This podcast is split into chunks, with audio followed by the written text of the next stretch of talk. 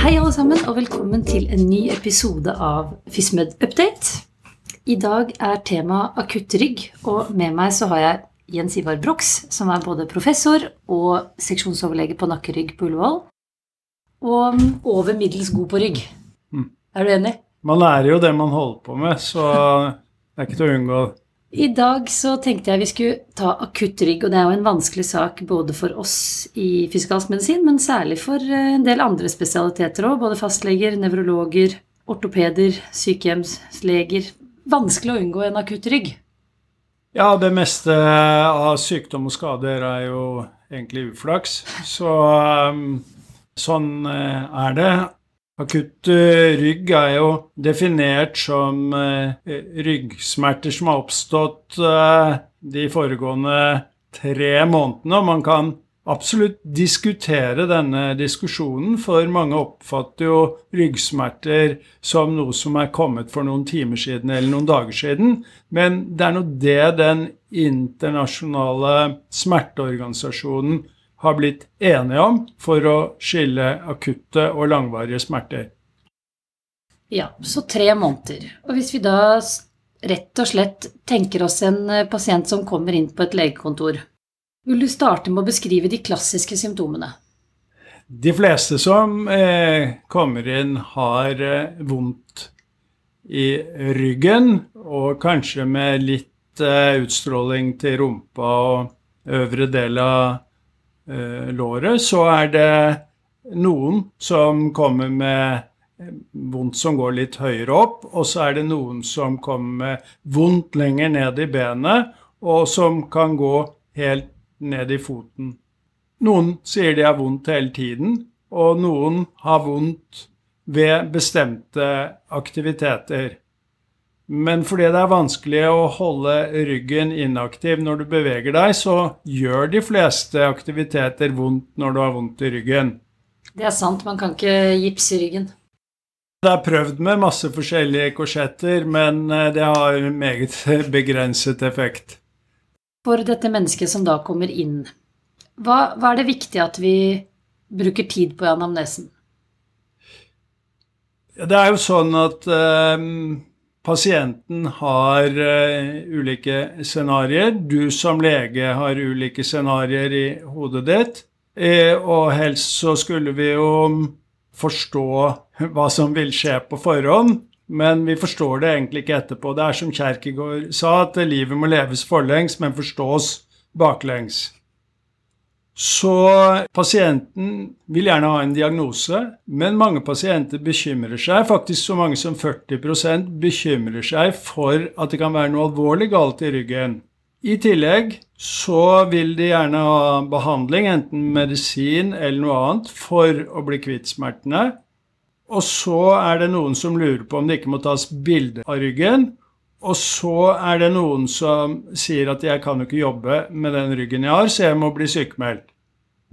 Det var en uh, veldig god presentasjon. Uh, jeg føler jeg kunne huket av på alle de der av de pasientene vi ser.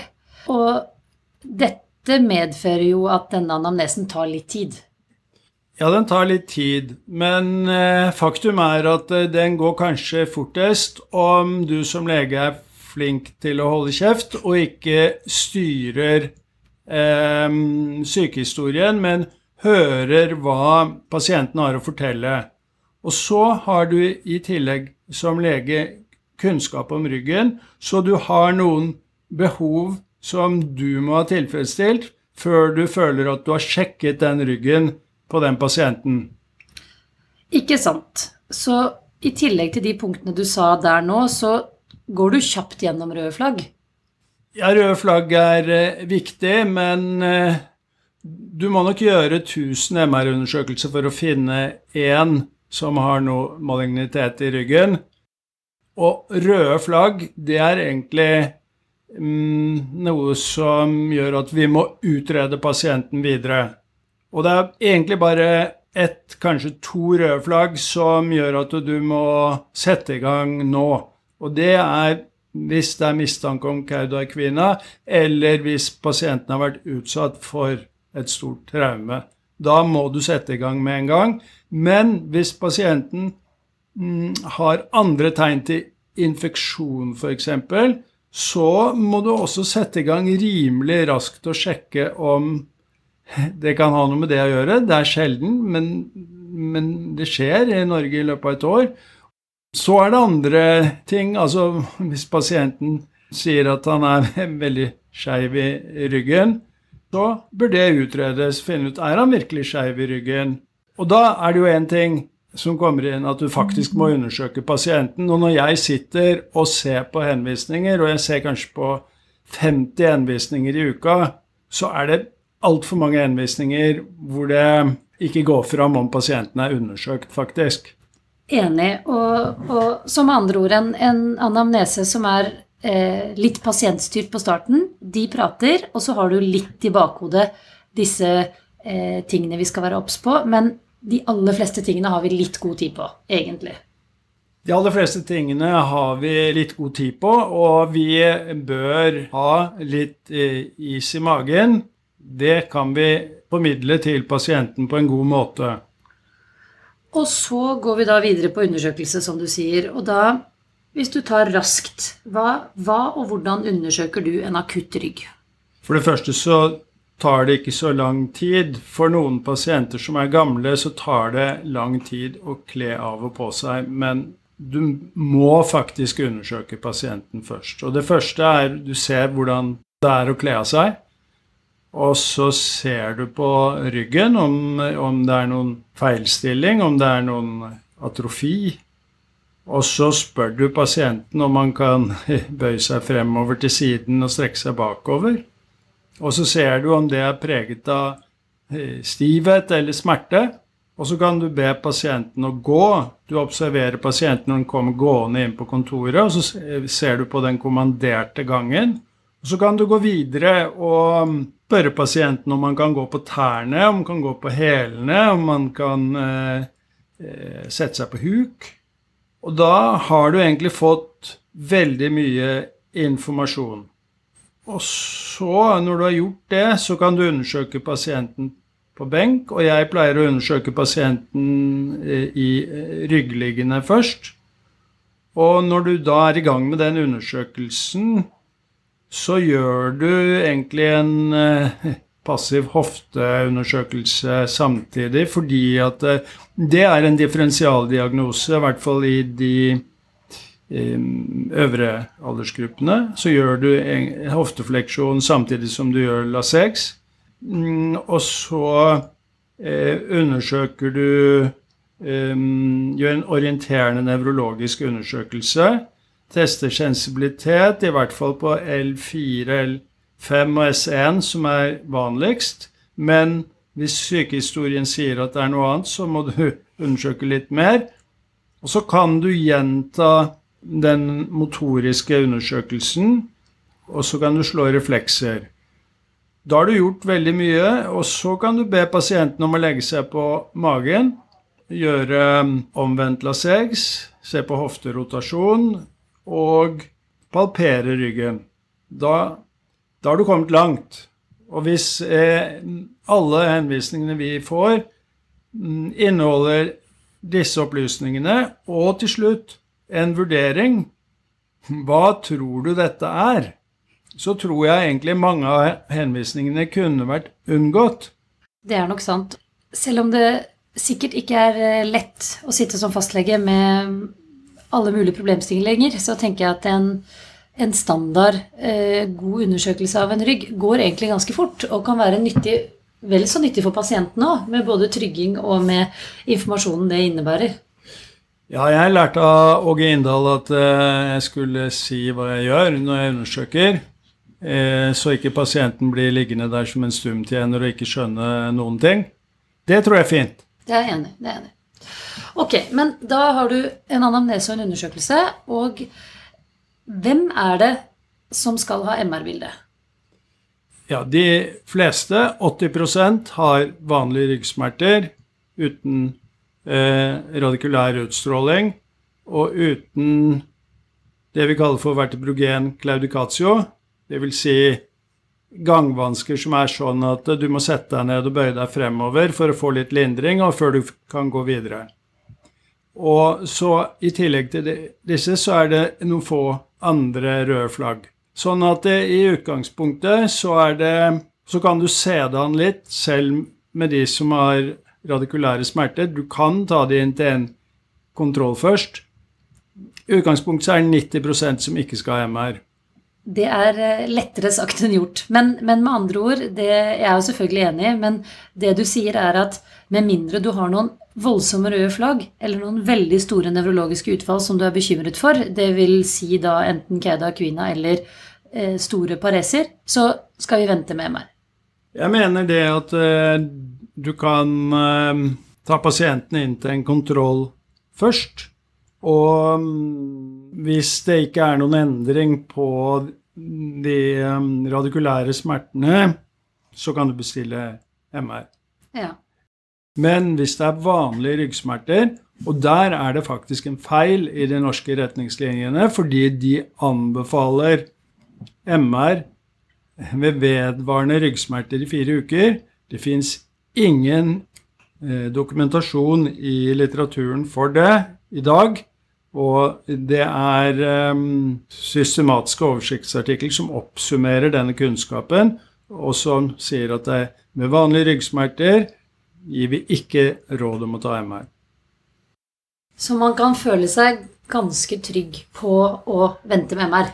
Ja, ikke bare trygg. Ut fra den kunnskapen vi har, så er det feil å ta MR tidlig. Ja, Det er tydelig og god beskjed. ok, hva gjør vi videre med denne vonde ryggen? Ja, da er vi tilbake igjen til Kjerkegård, og en moderne utgave av Kjerkegård er den kjente amerikanske forfatteren Paul Auster, som eh, har beskrevet en person og fire ulike liv for den personen. Så vi, som lege og pasient så har vi kanskje minst fire scenarioer. Hva kan dette være, og hvordan går det? Og da er jo det vanligste scenarioet at det er fryktelig vondt i starten. Så går det seg til mer eller mindre, men de fleste, hvis det ikke er noe annet med vanlige ryggsmerter, de er bra i løpet av seks uker. De, de fleste er mye bedre i løpet av kortere tid. Og en annen, en, en eh, amerikansk psykolog som holdt på mye med sykefravær og ryggsmerter, han sa at eh, if you are in a hole, stop digging. Så hvis du var borte fra jobb etter seks uker for vanlige ryggsmerter, så var det noe annet enn de vanlige ryggsmertene som var årsaken. Og eh, vil du da, i tillegg til trygging og informasjon, som jeg tenker at dette på en måte fint illustrert er, du, gir du dem noe behandling? Gir du dem noe tiltak? Skal de til fysio? Skal de ha smertestillende? Ja, altså, Det er jo mm, i starten vi har store muligheter. Vi må bygge en eh, tillit eh, til pasienten i starten. Vi må tro på det pasienten sier, og vi må mm, lytte varsomt, og vi må undersøke pasienten, og vi må spørre pasienten hva han har forstått når han går ut av legekontoret. Så det med å, å, ha en forståelse av hva som er i ryggen, og hva man kan gjøre og ikke kan gjøre, det tror jeg er alfa og omega i all behandling. For hvis du ikke har tillit, så er det umulig å trygge. Helt enig, og det er kjempeviktig, og særlig dette med begrensninger. Og syns du de skal ha noen begrensninger, en akutt rygg?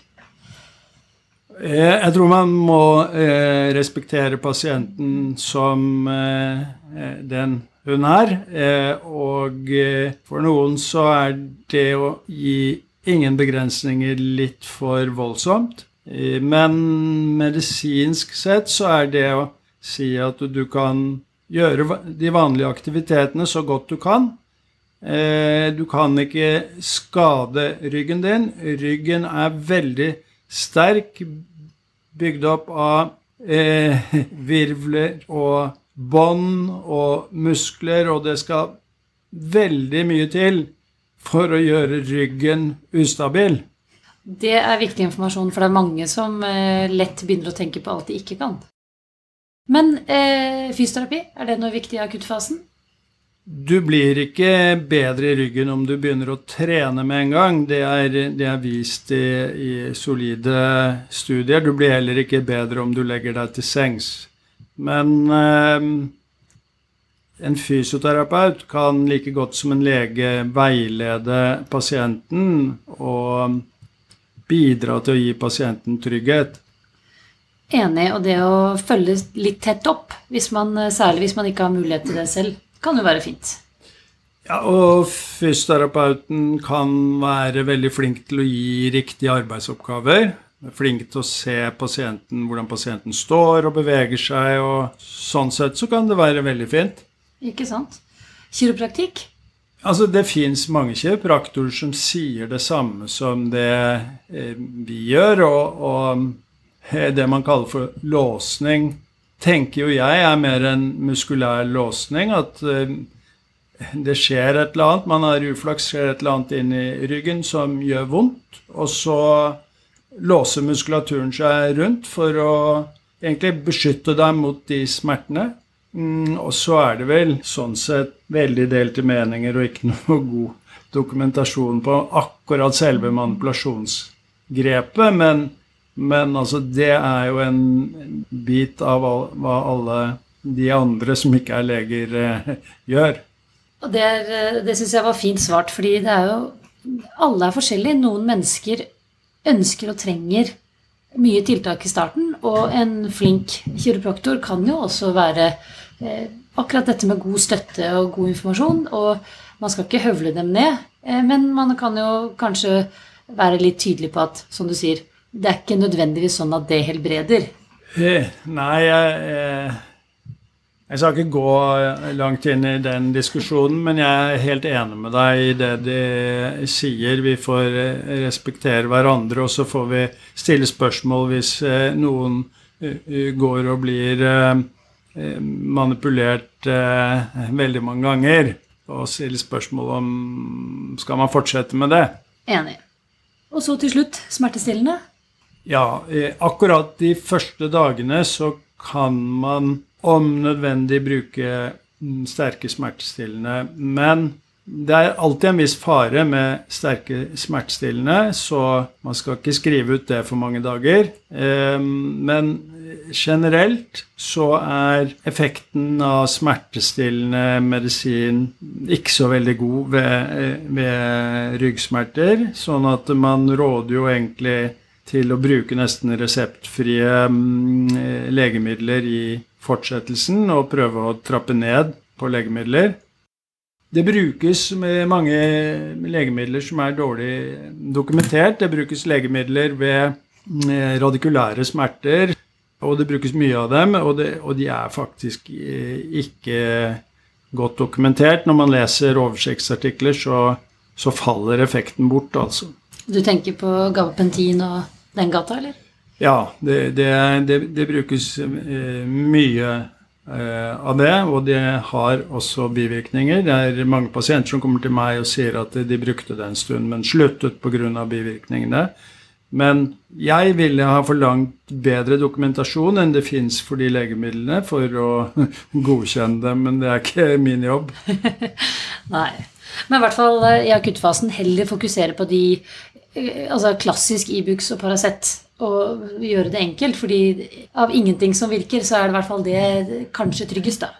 Ja, det er riktig. Eh, men det er også å prøve å avlede smerten på andre måter. Noen trenger kanskje litt mer eh, medisin om kvelden for å få sove. Er, pasienter er ulike og har ulike behov. Noen har veldig sterke smerter og vil ikke ha medisiner, mens andre Eh, vil ikke gå fra kontoret hvis de ikke har fått en resept. Ja, Så dette blir som alltid at man får se det litt an. Men det fins i hvert fall ikke en medikamentell quick fix eh, å prøve å unngå, unngå nevrontin og de preparatene der. Nei, fordi at det skal mye til at du, at du kommer noe særlig mm, høyere effekt på smertestillende enn det du gjør på placebomedisin, faktisk. Og det er et tankekors. Det er et veldig tankekors. Så rett og slett være litt forsiktig, og så må man som alltid se litt an hva slags pasient man har. Ja. eh, sykemelding? Ja, så De fleste kontorister trenger jo ikke sykemelding for vondt i ryggen. Du, om du sitter hjemme eller om du sitter på kontoret og har vondt i ryggen, det spiller jo ingen rolle. Eh, og det er kanskje godt å måtte bevege seg på vei fram og tilbake til jobb. Eh, og så tror jeg det er en eh, myte også hvis du har eh, tungt fysisk arbeid, at det er farlig å fortsette å, å jobbe. Det er faktisk lett sånn at hvis du har vært lenge sykemeldt og skal tilbake igjen og begynne å jobbe, så er du helt uvant og utrent, og så får du bare vondt i ryggen igjen. Så jeg tror eh, Men det med sykemelding, det har litt andre aspekter også. Så jeg tror det å oppfordre pasienten til å være i vanlig aktivitet er det viktigste. Absolutt. Og jeg tenker at det er så mye forskjellige jobber og som du sier, så forskjellige personer, så her går det ikke an å gi noe generelt svar. Men, men at man skal i hvert fall trygge rundt igjen at man ikke gjør noe farlig ved å være i gang. tenker jeg er det viktigste. For mange, særlig i fysiske yrker, blir jo veldig redd for at de gjør det verre ved å gå på jobb. Og det kan vi jo trygge rundt at de ikke gjør. Ja, det er det å være eh, redd for ryggen. Det, det, gjør jo at vi blir litt stive av skrekk. Og og det, hvis man klarer å ta bort det, så har man gjort en veldig god jobb som behandler, enten man er lege, fysioterapeut eller kiropraktor. Helt enig, og det tenker jeg kanskje får være bottom line her. Eh, det med trygging rundt at eh, ryggen kan være voldsomt vond. Det er en veldig vanlig, nesten en folkesykdom, kan vi si, men den blir bedre. Ja, heldigvis. Bra. Eh, til slutt, du nevnte dette med henvisningene, men hvem skal fastlegen henvise? Fastlegen skal jo henvise de han ikke klarer å behandle videre, hvor han føler at han trenger hjelp. Det kan være opplagt hvis han er interessert i en second opinion med hensyn til om denne pasienten må opereres eller ikke. Men det kan også være andre mm, ting i sykehistorien og ved undersøkelsen som gjør at, at, han er usikker og vil ha en second opinion eller hjelp, rett og slett, eh, og av en tverrfaglig poliklinikk til å ta dette videre, fordi fastlegen har ikke de samme mulighetene til det. Men vi vil altså ikke ha en henvisning hvor det står 'vondt i ryggen', og så er det en, et MR-svar på en side, og så står det 'dere må se på denne pasienten'. Helt enig. Ja, flott. Da tror jeg vi runder av der. Som en liten oppsummering så kan vi si at akutt rygg defineres som ryggsmerter under tre måneder. Veldig vanlig problemstilling. Ofte mye smerter, nedsatt funksjon, det viktige med en slik pasient er at vi tar en god anamnese, luker ut et par røde flagg, men har i bakhodet at det er få ting vi har dårlig tid på. Det er egentlig hovedsakelig kun kaudakvina og store traumer. Så gjør vi en undersøkelse hvor vi luker ut litt nevrologi. Og så er den viktigste behandlingen at vi forklarer godt, trygger. De aller, aller, aller fleste blir bedre. Vi kan med trygghet vente med MR, men vi anbefaler en kontroll og god informasjon. Det tror jeg holder for akutt rygg. Så legger vi ut en skriftlig oppsummering på fysmedupdate.no. Der prøver vi å legge ut en liten oppsummering av hver episode, samt relevante læringsmål. Så vil jeg gjerne takke vår flinke tekniker i Finnmark, Andreas Romsdal. Også til slutt så tenker jeg at eh, av og til kan vi skeie ut med en liten anbefaling. Og i denne gata vi har vært i i dag, så vil jeg si at en podkast som heter The Backpain Podcast, som går gjennom massevis av forskjellige temaer innenfor rygg, er ganske underholdende. Tusen takk for meg. Ha det!